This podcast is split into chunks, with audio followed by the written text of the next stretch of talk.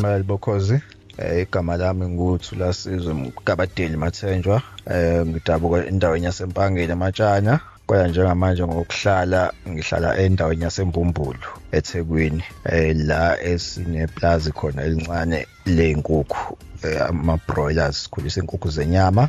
Also ngiphila eh nokukhubazeka ngihamba nge-wheelchair ngadubuleka ngo-2010 kusukela lapho-ke ngaqala ukuhamba nge-wheelchair. Eh kwathi mase ngiluleme esibhedlela ngadecide ukuthi ngoba senginalokukhubazeka angihambe ngiye ngibuyele esikoleni. Ngaya e-University of KwaZulu Natal ngayofunda khona eh ngafundela iziqu ze-geography and environmental management.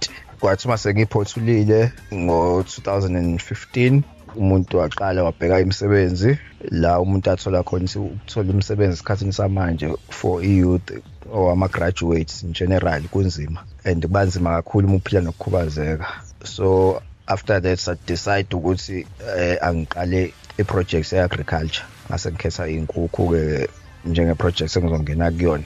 Eh ngase ngithola u-business partner omunye usise sasifunda naye yona i-geography lapha e-UKZN sahlala phansi saplana ukuthi asiqaleni iplazi ley'nkukhu sabheka indawo-ke savakashela amakhosi nje around indawo yasethekwini esingathola kuyona indawo esingasebenzela kuyona. Sagcina siyithola-ke indawo empumbulu sasiyayiqala iproject yethu ekuqaleni kwa-2019 sathi uma siqala iproject sayiqala sisase-university um zahamba kahle inkukhu so ngivume ukwenza le interview nokhozi so sizokwazi ukuthi simotivate or to inspire abantu abaphila nokukhubazeka ukuthi bazi ukuthi uma usukhubazekile noma uzalwe nakho in fact akusho ukuthi sekuphela kwempilo yakho lokho.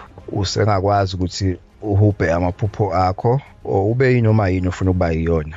Ukukhubazeka akukuvimba indawo as long as uyitshela wena ekhanda ukuthi ngifuna into ukuthi ngifuna u1 2 and 3 then if you have enough support emndenini wakho nakubantu osondelene nabo abangani nehlobo you can achieve anything really.